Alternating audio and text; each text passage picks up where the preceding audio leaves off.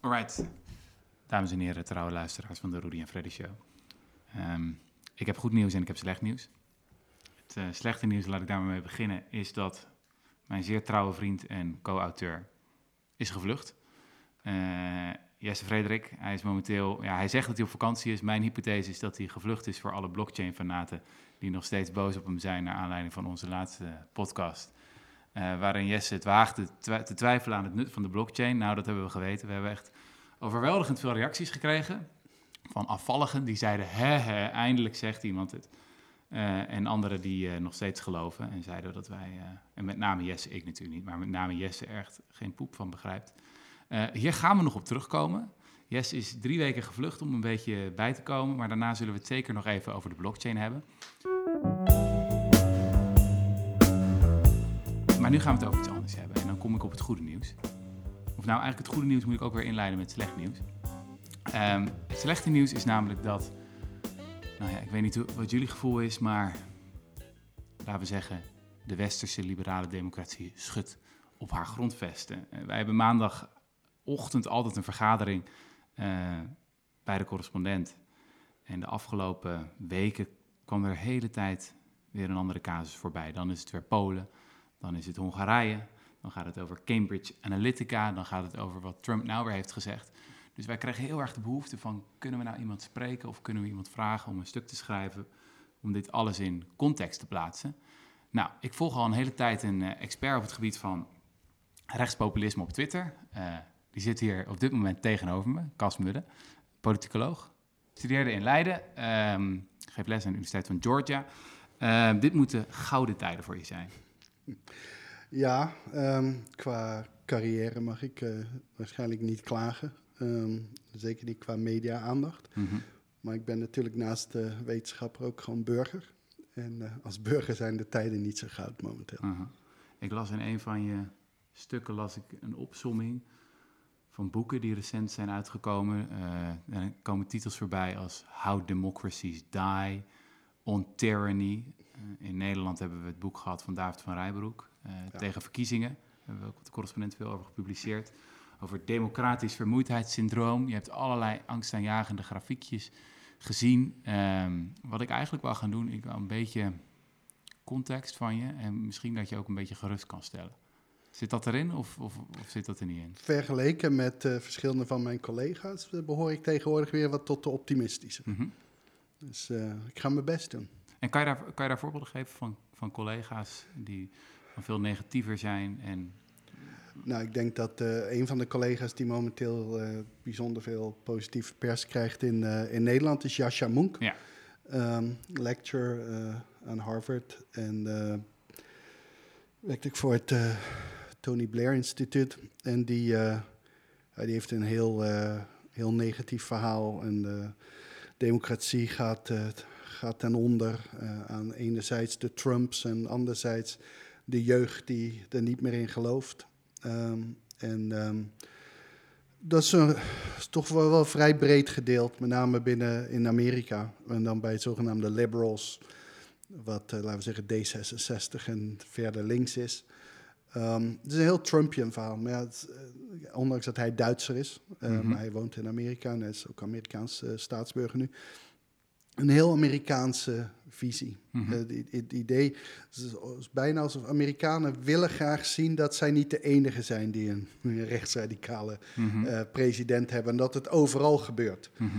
Ehm, maar er is natuurlijk een heel groot verschil tussen, tussen bijvoorbeeld een, een Marine Le Pen die 35% van de bevolking eh, op haar stemt, maar geen enkele positie heeft, en, en Donald Trump die president van een land is. Ehm, en dus het, het, het Amerikaanse verhaal eh, is, is niet eh, zo generaliseerbaar. Hm. Dus er is eigenlijk ineens een enorme markt voor dit soort type boeken. Zijn boek is The People versus Democracy, toch? Ja. Ja. Kijk, als Trump niet wordt herkozen, dan zijn al die boeken, Demo How Democracies Die misschien iets minder, maar veel van die andere boeken zijn opeens totaal irrelevant. Leren we ook niets meer over eh, wat de jaren 30 ons vertellen over nu, is puur gebaseerd op dat. Dus met name eigenlijk puur op Trump. De Mhm. rest is allemaal verhaaltjes eromheen. Dus op een man die 3 miljoen stemmen minder kreeg en Mhm. vanwege één bizar ding, het Electoral College, dan Mhm. president werd. En daar hebben we nu dus al die analyses van de hele wereld en er komt de globalisering, et cetera, et cetera. En dus ik denk dat, dat dat geeft al eigenlijk aan hoe problematisch het is. En het is helemaal niet om te zeggen dat er niets structureel mis zit, maar er zijn ook heel veel toevalligheden. Hm, hm, hm. Ehm, en en die, die mis ik in de- dit soort van verhalen. Maar als we de casussen afgaan, dus als we eh, beginnen in Europa, Mhm. eh, Hongarije, Mhm. wat is daar aan de hand? Nou, Hongarije is eigenlijk het, het meest problematische van, van alle casussen binnen gevestigde democratie. Op een bepaalde manier was Hongarije binnen Midden- en Oost-Europa een van de beter functionerende democratieën, hoewel er altijd wel wat problemen waren. En ehm, daar kwam eh, Fidesz van Viktor Orbán aan de macht in 2010. En die voerde in een heel rap tempo een, zeer illiberaal beleid door. ehm, veranderde de, de grondwet, eh, nam allerlei nieuwe be- beslissingen en nieuwe aanstellingen. En werd toen herkozen in 2014, weer met een absolute meerderheid. En toen t- tijdens de vluchtelingencrisis rukte die fors naar rechts en werd eigenlijk de belangrijkste rechtsradicale stem in Europa. Mhm. En werd eerder dit jaar wederom herkozen weer met een, eh, met een absolute meerderheid.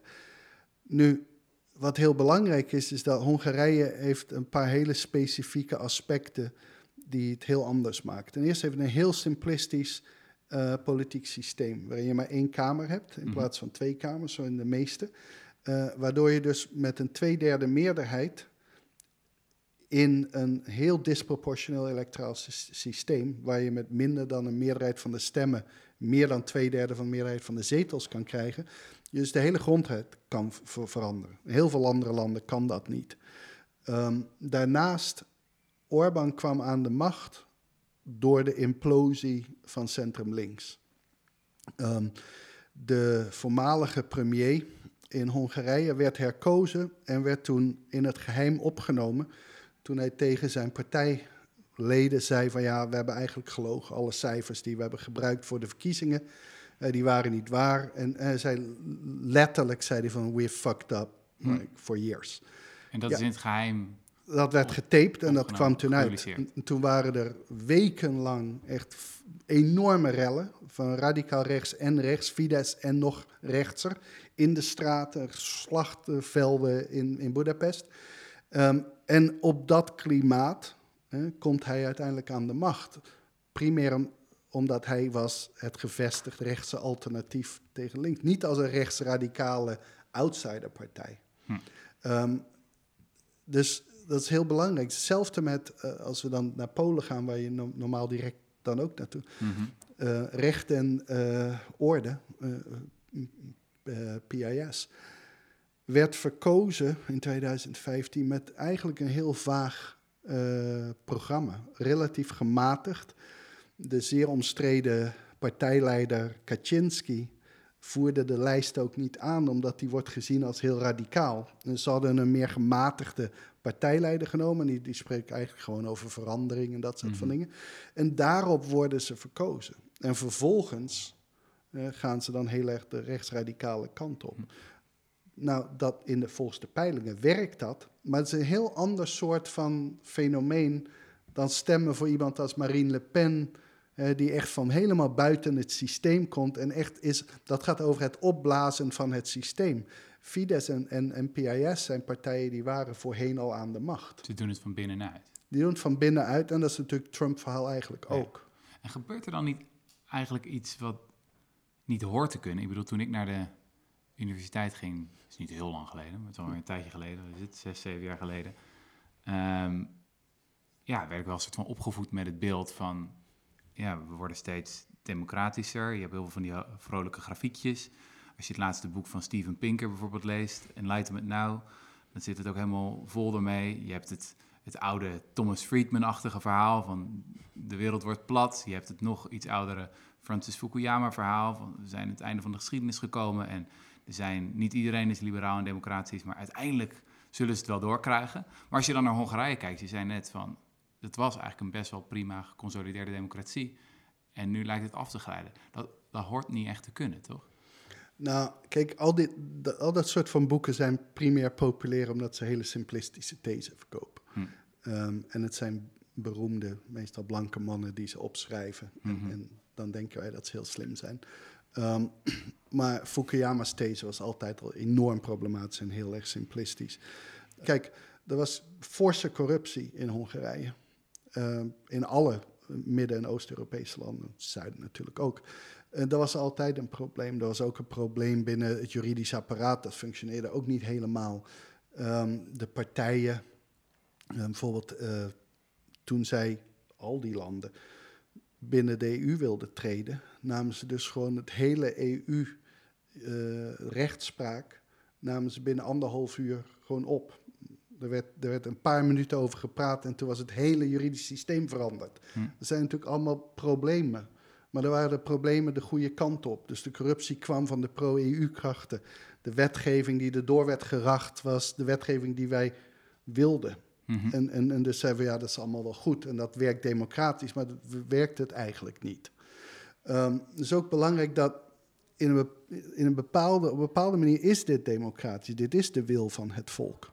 Eh, Fidesz is met afstand de meest populaire partij in Hongarije. En zelfs al zouden zij de media niet volledig controleren, dan zou dat nog steeds zo zijn. Hm.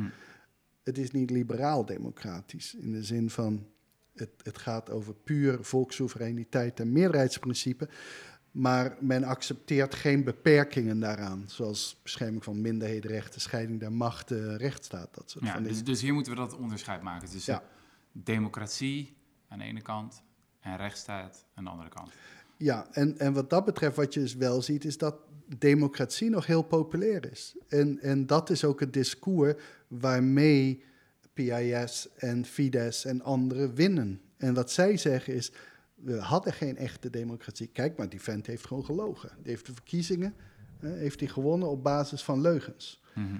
Ehm, dus eh, kom nu stemmen en stem op ons. Wij liegen niet, wij doen wel echt wat jij Breek het zegt. partijkartel. Ja, ik was vroeger veel toleranter ten aanzien van, van rechtsradicaal. Ik, ik heb echt ophet na ophet geschreven voor vrijheid van meningsuiting, wat altijd hun vrijheid van meningsuiting was, want dat was de enige Mhm. die werd aangevallen. Ik doe dat nog, maar ik ben aanzienlijk minder sympathiek, omdat toen waren ze marginaal.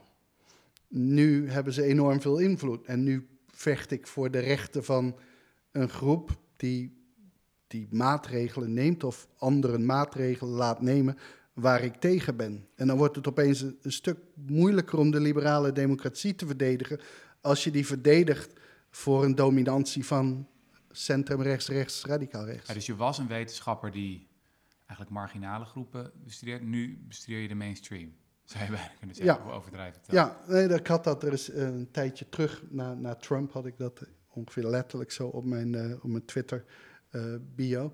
Ehm, ik, ik, ik ben daarin niet van. Ik, ik bestudeer nog steeds hetzelfde. Ehm, maar vroeger was dit de marge en nu is het in toenemende mate de mainstream. Daarbij wel aantekenend dat dat de keuze van de mainstream is. Mhm. Eh, het is, ik bedoel, Mark Rutte hoeft niet naar de PVV te luisteren. Die kan Mhm. ook naar iemand anders Mhm. luisteren. Hij heeft ervoor gekozen die kant op te gaan in plaats van de andere kant. Ehm, dat, is- dat is, een, dat is iets anders. En we krijgen nu zitten we in een discours van ja, goed, maakt eigenlijk niet uit eh, of je nou stemt voor, voor de VVD of de PVV. Ja, maakt natuurlijk wel uit. Mhm. Ik bedoel, of we nu een VVD-regering hebben of een PVV-regering, is een heel ander Nederland. Ja. Zijn beide niet wat, wat iemand die progressief is wil hebben, Mhm. maar dat wil niet zeggen dat er geen verschil tussen is. Ehm, en ik denk dat we dat, dat wel belangrijk is om, om in het achterhoofd te houden. En dat legt ook de verantwoordelijkheid, vind ik, bij, bij mainstream rechts. We zitten echt in een discours waarin we zeggen, ja, je, je kan populisme niet bestrijden. Kan je alleen bestrijden met, met goed populisme. Mhm. Eh, maar daarmee ontneem je de, neem je de verantwoordelijkheid weg van de mainstream voor hun beslissing om naar rechts te Ja. gaan. En dus als zij, als zij anti-migratie of islamofobe beslissingen nemen, dan is het van ja, dat moet wel, want anders krijgen we Wilders. Er is ooit een uitspraak geweest van eh, Thatcher. Die werd gevraagd, wat was je grootste overwinning? En toen zei ze, Nieuw Labour. Dus dat Tony Blair Mhm. en nou ja, de derde weg, Sociaaldemocraten, dat die haar ideeën hadden overgenomen, dat vond ze haar grootste overwinning.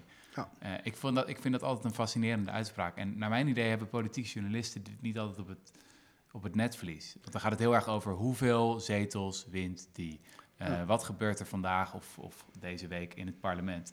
Terwijl op de lange termijn gaat het er natuurlijk om welke ideeën zijn in opmars. En in die zin vond ik, dat schreef ik na de verkiezingen, toen was heel erg de analyse van oké, Geert Wilders heeft verloren. Ik zat bij Amanpour van Mhm. CNN en die zei, oh, de Nederlanders hebben openheid boven geslotenheid gekozen.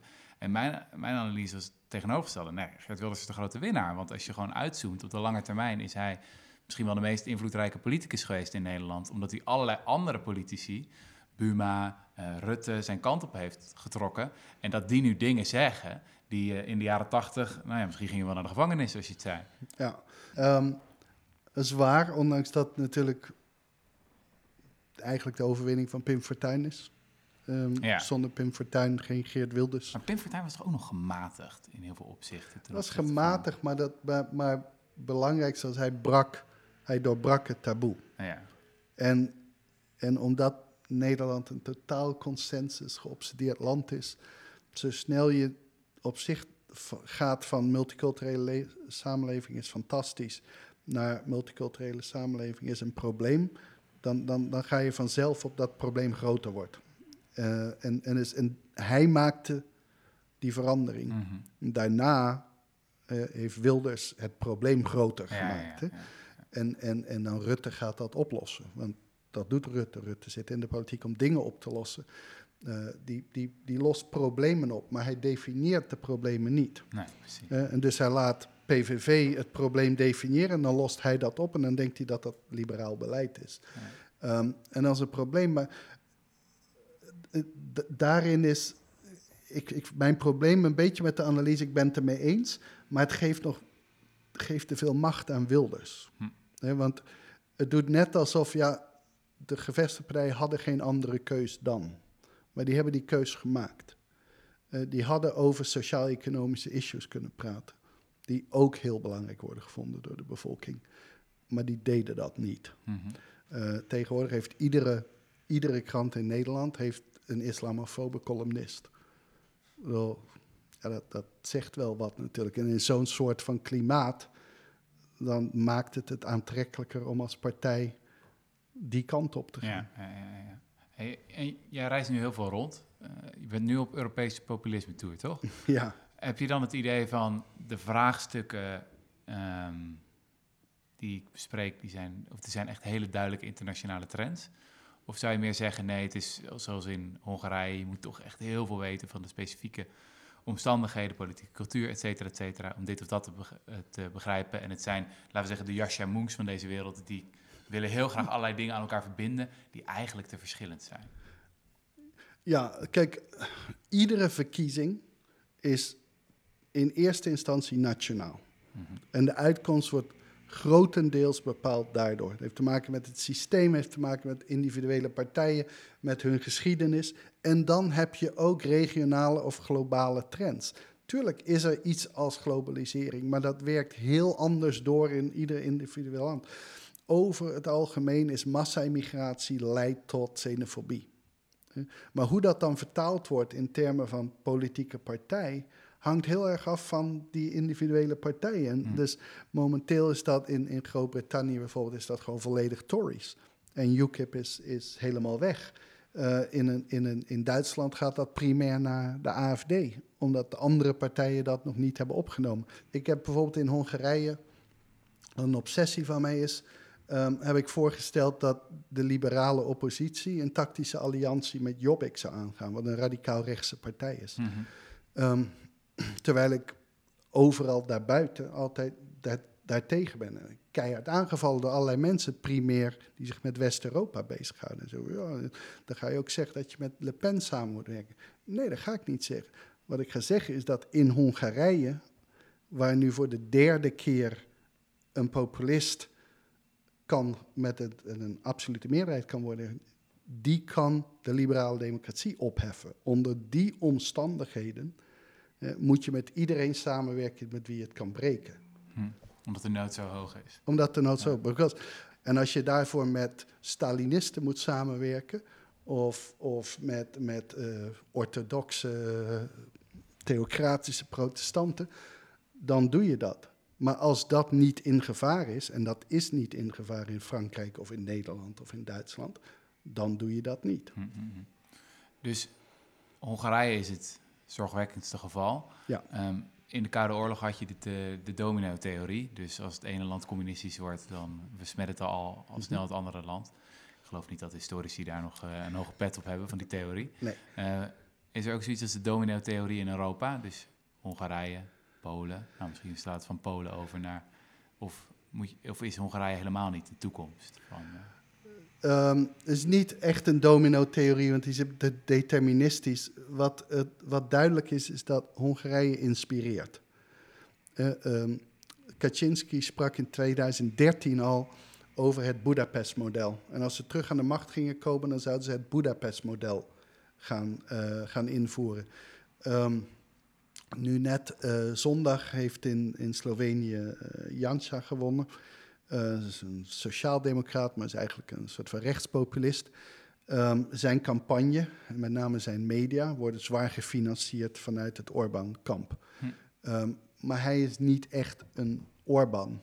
Maar Orbán investeert daarin, want hij hoopt dat Janša daarmee met Orbán samenstemt en een beetje de druk van hem afhoudt.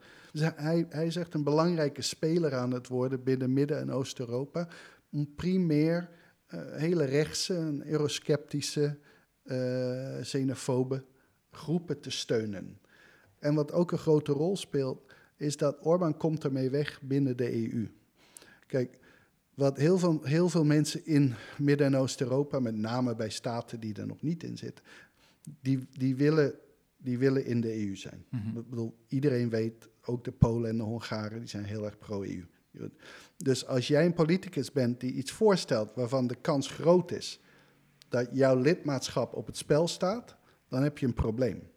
Wat Orbán laat zien is dat je eigenlijk gewoon kan doen en laten wat je wil. Je kan zelfs schelden op Brussel de hele tijd. En je kan nog steeds per inwoner het grootste bedrag in subsidies bekrijgen van hm. de EU. Hm. Ja, wie wil dat niet? Dat is toch ja, fantastisch? Klinkt wel relaxed, ja. Ja, en, en dus iedereen die sowieso. Maar hoe is dat in vredesnaam mogelijk? Waarom heeft de EU dan zo weinig ballen, zou je zeggen? Waarom zijn er geen mechanismes om te zeggen van oké, okay, je doet nu dit. Die zijn er uh, je toont nu de macht van, laten we zeggen, of de media persvrijheid in. Uh, dat kost je 20% van je subsidie. Dat is iets moeilijker, maar er zijn andere dingen die ze wel kunnen doen. Um, kijk, het, er zijn twee grote problemen in in uh, Hongarije. Eén is de politieke. Mm -hmm. Het tweede is corruptie. En Orbán is, is, creëert een kleptocratie, net als Poetin heeft. Mm -hmm. En dat gaat grotendeels op basis van EU-subsidies. Want dat is een van de grootste bedragen die komen. En dus heel veel van die EU-subsidies worden uitgegeven zonder eigenlijk uh, echt competitieve uh, tenders. Dus mm -hmm. uh, dat, dat ze daarover concurreren. Die gaan altijd naar... de vriendjes van Orbán. De vriendjes van Orbán. Nu, dat heeft het anticorruptiebureau OLAF van de EU heeft dat al aangetoond. En als dat gebeurt, kan je dus sanctioneren en kan je subsidies opschorten. Maar dat gebeurt niet. Ja. Als dat uh, maar waar, waarom niet? Vanuit een soort van angst? Van... Er zijn twee redenen waarom het niet gebeurt. Ten eerste, um, binnen de Europese Commissie, die dat eigenlijk zou moeten doen, is er enorme angst. En de angst is dat als zij dat doen, dat Orbán dat dan gebruikt. En dan zie je wel die, die, die niet uh, verkozen bureaucratie daar in ja, Brussel. Ja, ja, um, en ik, ik heb daarover gesproken met ze. En ik zei van ja, maar goed, dat is jullie taak. Met de Europese met Commissie? Met de Europese Commissie. De, met de, ambtenaren de dan? Of, Ze hebben een eigen think tank uh, daar. En, uh, en die vroeg me, ja, wat kunnen we doen? En ik zei van ja, ik bedoel, dit is jouw taak. De Europese Commissie is er om de, regel, de naleving van de regels te controleren. Als jij daar niet in gelooft, dan, dan zit je dus met een fundamenteel probleem voor je project. Mm -hmm. um, maar het geloof was daar gewoon weg. Hm. Het andere is pure machtspolitiek. Uh, de EVP, de Europese Volkspartij, waar onze vrienden van het CDA bij zitten. Mhm. Um, die hebben al sinds jaar en dag, zit Fidesz daarin. Orbán was tien jaar lang de vice, een van de vicevoorzitters van uh, de EVP. Die kent ze van binnen en van buiten. En ehm, de EVP is altijd de grootste groep geweest. De centrum-rechts, christendemocratisch, maar steeds verbreed. Al die groepen zijn opportunistisch. Um, en die halen er gewoon bij om groter te worden. Nu in het Europees parlement is, is Fidesz een hele brave partij. In 95% van de stemmingen stemmen ze mee met de EVP. Hm. Ondanks dat ze in alle campagnes net doen alsof ze de grootste oppositiepartij zijn, mm stemmen ze braaf mee. Maar daar ligt de macht niet. De macht ligt in de Europese Raad. Dat zijn de regeringslijnen. Ja, de regeringslijnen. Dat is het echte, eh, dat is het hart van de EU. Daar, daar, worden de beslissingen genomen. Recente tweet eh, zag ik dat momenteel zijn maar acht van de 28 uh, eh, regeringsleiders, dus premiers, zijn van de EVP. Er zijn ook acht van ALDE. Vroeger... ALDE is de, ALDE is liberale, de liberale partij. Vroeger was de EVP had met afstand de meeste. Als zij Fidesz eruit gooien, dan hebben ze nog maar zeven. Mhm. Dan zijn ze niet meer de dominante groep in de raad. En dus de EVP kijkt hier gewoon naar en kijkt, hoeveel stemmen hebben wij nog? Ja, ja, ja. Um, en dat is wederom, cynisch. Dat is heel cynisch, maar uh, je zit met iemand die dat tien jaar lang heeft gezien van binnenuit. Dus die weet precies wat hij wel en niet kan doen. Ja. hoeveel verder gaat dit nog, denk je? Welke stappen zou Orbán nog willen nemen om zijn oh. macht te vergroten? En wanneer gaat de EU wel zeggen? Uh, de eerste vraag is een beetje makkelijker. Het gaat heel ver. Nu is er een wet wordt binnenkort aangenomen, waarin iedereen die organisaties of individuen die vluchtelingen steunen, in de gevangenis kunnen raken. Ehm, en als jij voor de multiculturele samenleving pleit als een organisatie, dan moet je extra belasting betalen. Ja. Ja. Maar hier krijg je toch wel een beetje jaren 30 gevoel bij. Ja, mag niet zeggen, maar... ja, niet noodzakelijk de jaren 30 gevoel, maar bedoel, er is geen enkel debat over mogelijk dat dit tegen de liberale democratie inderdaad ja. en daarmee tegen de basis van de Europese Unie en de basis van de Europese Volkspartij. Ja. Uh, nu gaan ze opstaan. Dat wordt interessant. CDA had een moment van uh, liberaal-democratische awakening over het weekend en heeft een, een kritische resolutie aangenomen ten aanzien van Fidesz in mhm. Hongarije. Hongarije werd heel kwaad, die houdt daar niet zo van. En die heeft alle verbindingen met de CDA verbroken. Dat is voor mhm. het eerst dat Fidesz dat doet met een EVP-broeder. Ehm, en nu gaat het heel interessant zijn van wie het eerste buigt. En waar gaat de EVP? Gaat de EVP met CDA of met Fidesz of behoudt ze zich daarbuiten? Mhm, de macht ligt in Duitsland. Uh, de macht of alles ongeveer wat er in Europa mhm. gebeurt, ligt in Duitsland. En de EVP is de partij van Merkel. CDU, CSU. Um, het is allemaal heel complex, maar alles hangt met alles samen. In oktober zijn de verkiezingen in Beieren. En in Beieren is de CSU, de conservatieve christendemocratische partij die alleen in Beieren opkomt, is in een soort van, in hun ogen, doodstrijd met de AFD verbonden. Ze zijn als de primair als de dood dat ze een meerderheid verliezen. Mhm. Tot dat moment gaat de CSU niets doen wat aangeeft dat zij niet heel erg recht zijn. Mhm. En dus ik verwacht dat er eigenlijk tot de Europese verkiezingen van mei 2019 geen beslissing wordt genomen over Orbán. Dus je ziet eigenlijk dat, of het nou over Rutte gaat, of over het CDA, of over de partij van Merkel, is dat korte termijn politiek opportunisme of strategische overwegingen, om het sympathiek te verwoorden, voortdurend uh, op gespannen voet staan met uh, het beschermen van liberale democratie.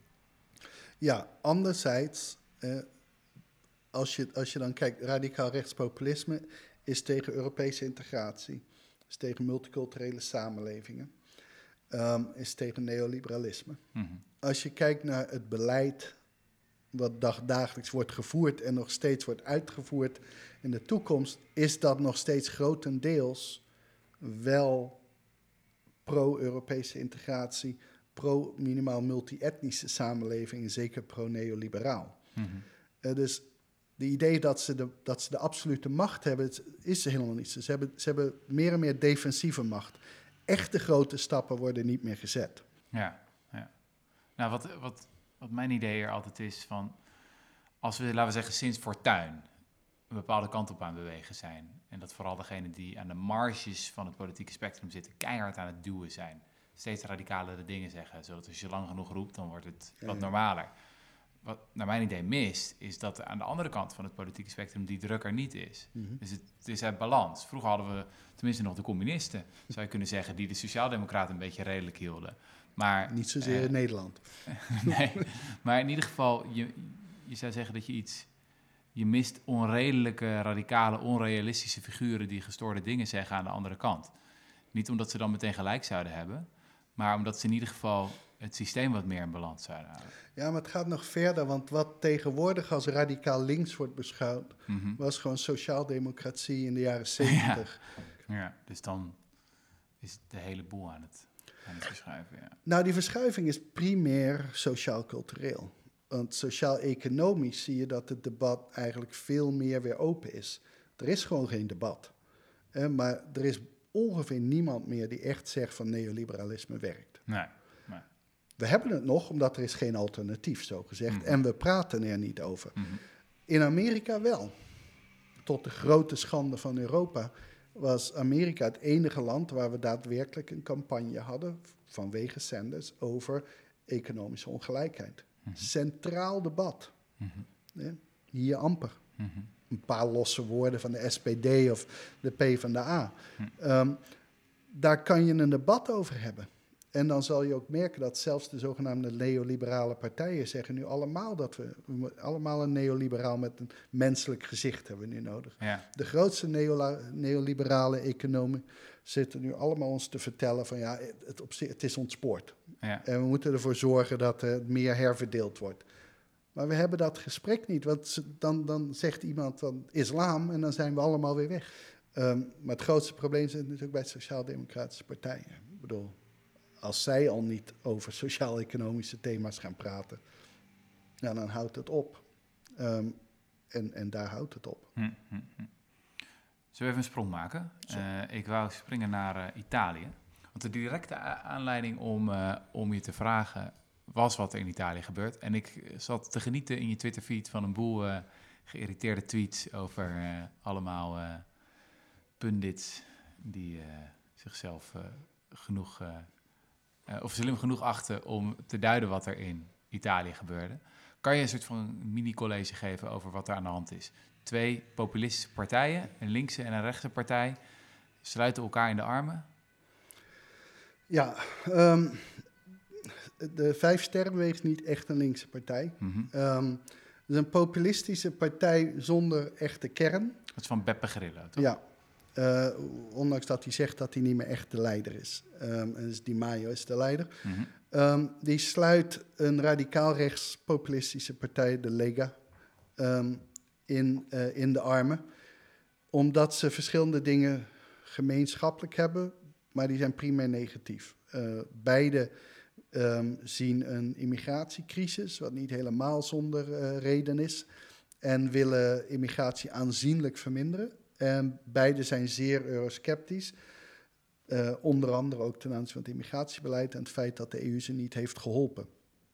Ehm, nu, beide zijn niet nieuw. In de vorige verkiezing was, ehm, was de Vijf Sterrenbeweging al de grootste individuele partij. Eh, er waren blokken groter. En de Lega Noord zit sinds 1994 in de regeringen. Eh, en dus het discours van, oh, dit is eh, iets nieuws en, en, en dit en dat, dat valt allemaal wel mee. Het is niet de eerste populistische regering. We hebben er verschillende op dit Mhm. moment. En ook niet in, in Italië, want dat was die van 94. Het is ook niet gezegd dat deze in elkaar gaat storten.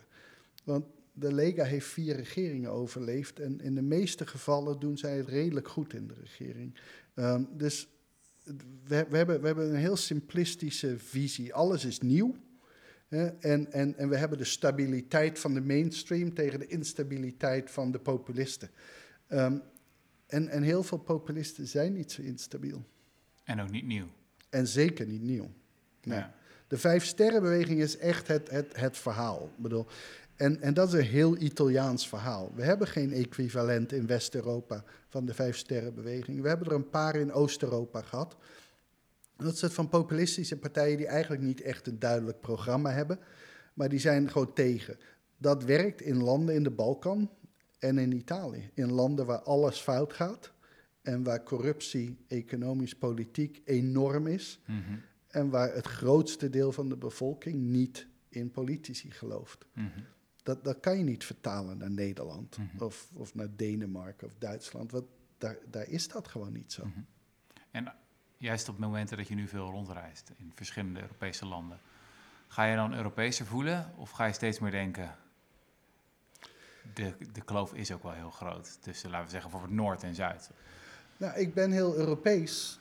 eh, deels omdat ik, ik bedoel, mijn favoriete stad is Antwerpen, waar ik heel lang heb gewoond. Maar ik voel me heel erg Nederlander. Ik ben ook Nederlander, ik ben een Amerikaan. Ehm, maar voor mij is Europees niet EU. Hm. Ehm, ik, ik ben een, eh, een recovering Eurosceptic. Ehm, ik heb twee jaar geleden of zo nog een stuk geschreven waarin ik pleitte voor een Nexit. Een exit uit Nederland- de euro of uit de Unie? Nee, zelfs? uit de Unie. Dat is vrij radicaal. Ja. Ehm, ik maakte dezelfde fout, denk ik, als, ehm, als de mensen die, waar, waar ik ongeveer het minste respect voor heb. Maar mensen als Dan Hannon in Groot-Brittannië. Mhm. ehm, waarbij ik dacht van ja goed, als wij uit de EU gaan, dan stort de EU in elkaar. En ik denk nog steeds dat als er geen EU zou zijn en we opnieuw beginnen, dat het beter is dan dat we deze hervormen. Maar dat is niet de keus. De Maar dat is best wel radicaal. ja. Maar eh, ik, ik, ik ben een oude sociaaldemocraat en Ja, ik zie de EU als een neoliberaal project. ja. Ehm, wat eh, gedomineerd wordt met name door, eh, door bedrijfsleven en, en hun lobbyisten. Ehm, dat wil niet zeggen natuurlijk dat zonder de EU dat Nederland opeens een linkse regering heeft. Maar ik denk dat het makkelijker is om te doen. En de idee was altijd in termen van solidariteit, was dat het, het, het noorden bracht solidariteit op met het zuiden, zodat het noorden eigenlijk nog steeds vooruit ging, maar misschien niet zo snel als het zou kunnen. Maar het zuiden ging heel erg vooruit. Nou, bedoel, de grote recessie heeft wel duidelijk gemaakt dat dat niet het geval is. Mhm. Ten eerste is door Europese integratie wordt, wordt die kloof wordt groter. Maar ook in de landen wordt die groter. En ten tweede vind ik dat het zijn met name de sociaal zwakkeren in het noorden die die prijs betalen. Ehm, en dus vanuit de sociaal-democratische visie is dat hoogst problematisch. En ik denk dat het momenteel is dit niet een kwestie van een paar beleidsmaatregelen. Dit zit echt gewoon in, in, in het DNA bijna van, van de EU. Nu, de EU is. En zolang die is, betekent dat dat, dat ik als sociaaldemocraat nu voor een Europese sociaaldemocratie ehm, moet gaan eh, streven. Mhm. Want het is ook duidelijk dat je kan je land, je kan een EU-lidstaat niet echt structureel hervormen in een sociaaldemocratische richting zonder dat de EU fundamenteel verandert. Mhm. Dus dat, dat is eigenlijk waar ik nu zit. En, en dat is heel on- ongemakkelijk als je, als je ongeveer tien jaar lang tegen de EU hebt lopen strijden. dat, je, dat je nu realiseert dat, dat je niet alleen ze moet accepteren, maar waarschijnlijk sterker moet maken. Want ik zie geen andere mogelijkheid om die ruimte te creëren voor nationale staten. Om weer, eh, om, om weer enigszins sociaal-democratisch beleid te kunnen voeren. Ja, en daar is ons kennisgebrek natuurlijk enorm. Er is niet een Europees politiek debat. Je hebt niet echt duidelijke, bekende Europese media. Ik, ik, ik sta me altijd versteld van mijn eigen onkunde als ik... Al, al, al ben ik al in Vlaanderen, hoe weinig, van, weinig ik van Vlaamse politiek weet. Ja, dat. Er zitten twee. in. Ten eerste, Europa als EU is onbekend. Dat is een keuze van kranten. Eh, bij de, iedere krant heeft over het algemeen vrij goede correspondenten in Aha. Brussel. Die, die je heel goed kunnen uitleggen wat er aan de hand is. Maar Mhm. die gewoon anderhalve column krijgen om, om dat te doen in een krant. Ehm, en dan het totale gebrek aan kennis over andere landen. Ehm, ik bedoel, het hele debat over, over austerity wordt natuurlijk zwaar ingegeven door vooroordelen over Zuid-Europa. Mhm. En dan kan je wel zeggen, van, ja, dat is racistisch van, van Wilders. Maar die spreekt wel voor de meerderheid van de Mhm. Nederlanders. Ik vond het echt fascinerend toen Dijsselbloem die uitspraak deed over, wat was het ook alweer? Dat ze, Ze zitten geld ons geld- aan, aan vrouwen en eh, drank of Ja. En dat was in Nederland was dat echt een grapje in de Ja. media. Weet je, er werd, werd, wel over berichten. Oh, haha, Dijsselbloem heeft iets gezegd. En ik was op dat moment in Madrid en een paar dagen later in Barcelona. En iedereen had het daarover die ik sprak. En men was woest. Dat was Ja. echt woest. Tot echt diep beledigd. Ik was in En toen dacht ik, Griekenland. ja, ik, het is eigenlijk ook wel begrijpelijk. Ik was in Griekenland en, en bedoel, kijk, zowel in het zuiden en, en traditioneel ook al in, in Midden- en Oost-Europa. Mhm, Men heeft heel sterk het gevoel dat, er, dat, dat ze tweederangsburgers zijn. mhm. Ehm, en dat er sterke vooroordelen zijn in het noorden. En dat het noorden dingen mag doen die het zuiden niet mag Mhm. doen. En dat is allemaal waar. Ja, en het is niet makkelijk om die te, om die te doorbreken. Ik, bedoel, ik, heb, ik heb zeven jaar lang in België gewoond. En daar heb je die kloof in één land. Ja. Eh, en als je, als je het discours in Vlaanderen over Wallonië hoort of andersom, die, die wonen echt in andere landen. Mhm. Eh, en, en dus bedoel, die, die Walen die denken gewoon dat radicaal rechts aan de macht is in, in Vlaanderen. Want de Mhm. N-VA en de Vlaams Belang zijn totaal hetzelfde voor hun. Mhm. Ehm, en en voor, voor de Vlaming is alles de SP, is alles corruptie, of PS, alles corruptie van de socialisten. Ja, als je dat al in één land hebt, dan, dan moet dat in 28. Mhm. Ehm, en dat is het, maar dat heeft ook te maken met het gebrek aan het Europees verhaal. Dat Mhm. hebben we niet meer. Mhm. En dat hadden we eigenlijk al verloren in de jaren voor de Europese crisis. Maar in de Europese crisis, toen werd het serieus en toen moesten we opeens betalen. Hm. En toen vroeg iedereen van ja, maar waarom moeten we eigenlijk betalen? Mhm. Want toen wij de euro kregen, hoorden we dat niet. Toen hoorden we alleen dat we geld niet meer hoefden te wisselen. Dat was, dat was cool. Maar we hoorden niet dat als, als er een probleem is in Griekenland, dat wij dan geld moeten betalen. Als jij moet gaan betalen, dan wil je weten waarom. Als je Mhm. meer geld krijgt, dan hoef je niet te weten waarom. En of je het daarmee eens bent. Maar als je moet betalen, wil je weten waarom. Ja, en dan is het verhaal er niet. Hey, en tot slot, hè. Ehm, wat we hebben gezien is dat er een enorme populariteit is van heel deprimerende analyses. Van het gaat echt helemaal naar de knop, wat ik zei. en, eh, On Tyranny en How Democracies Die. Dat soort boeken die, eh, die vliegen uit de boekhandels. Jouw geluid is, is niet soort van, jippie, het komt allemaal goed. het is, maar het is wel nuancerend. Als ik je nou de vraag stel, wat zijn tekenen van hoop? Dus wat zijn de dingen dat je ziet sinds Brexit, sinds de verkiezing van Donald Trump of eh, weet ik veel, zelfs sinds Thierry Baudet, zie je lichtpuntjes. Dat je denkt, ja, dat, die heeft het alvast door. Of dat gaat de juiste kant op. Of het systeem is toch weerbaarder dan, dan we denken. Hmm, nee, niet zoveel. Ehm, Kom op. kijk, ik zie de meeste lichtpunten zie ik gewoon in peilingen. Ha. En dan zie ik waar mensen mee bezig zijn. Ja. En wat mensen, bijvoorbeeld als je aan mensen vraagt van eh, wat is een faire verdeling van, van het, het hoogste inkomen en het laagste inkomen, ehm, dan, dan zie je dat mensen veel sociaal-democratischer zijn dan het huidige beleid. Ja. Ze denken hè, dat, dat het veel gelijkwaardiger is dan het is. Ehm, diversiteit zie je veel populairder is dan het discours. Nederland is een heel goed voorbeeld. Mhm. Ik bedoel, als je, als je naar ons discours kijkt van de laatste 15 jaar, dan zou je denken dat de hele bevolking zo isla, islamofoob als de neten is.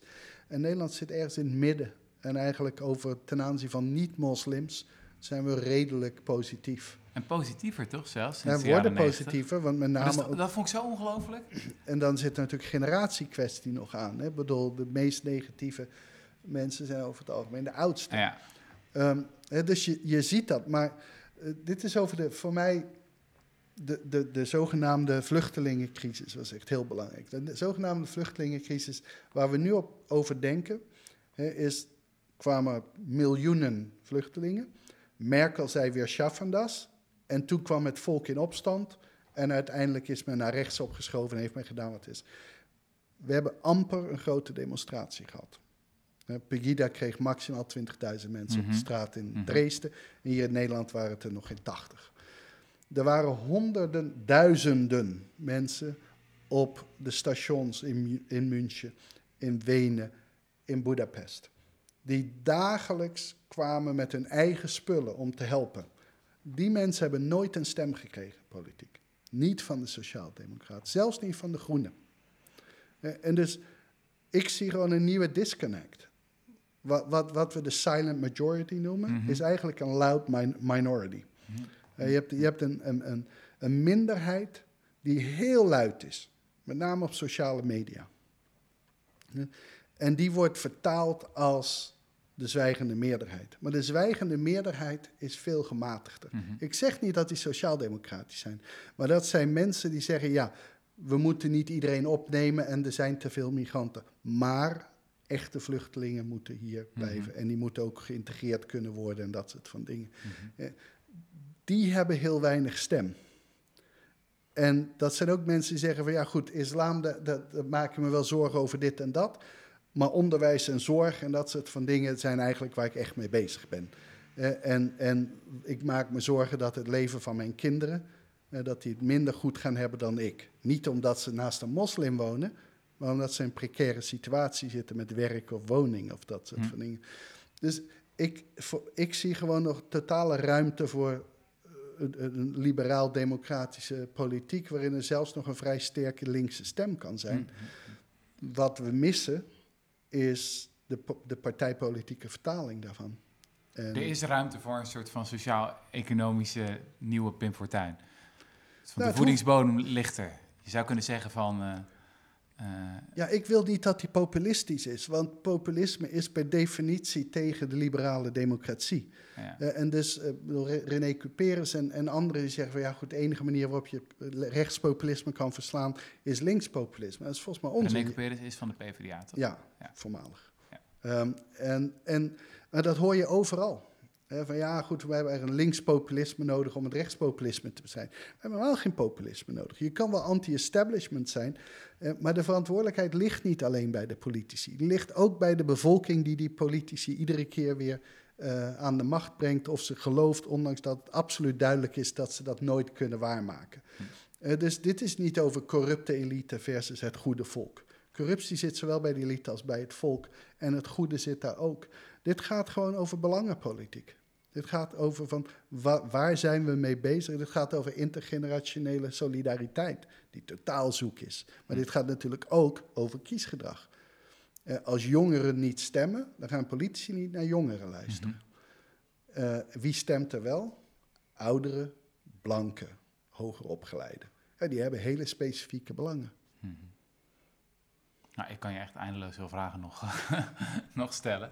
Ehm, maar heel veel dank voor je komst. Ja, graag gedaan. Eh, succes komende weken. Hoe lang ben je nog eh, op reis? Nog eh, bijna vier weken. Vier, vier weken nog. Een hele diepe zucht. Diepe zucht en dan terug naar de VS. Terug naar de familie ook.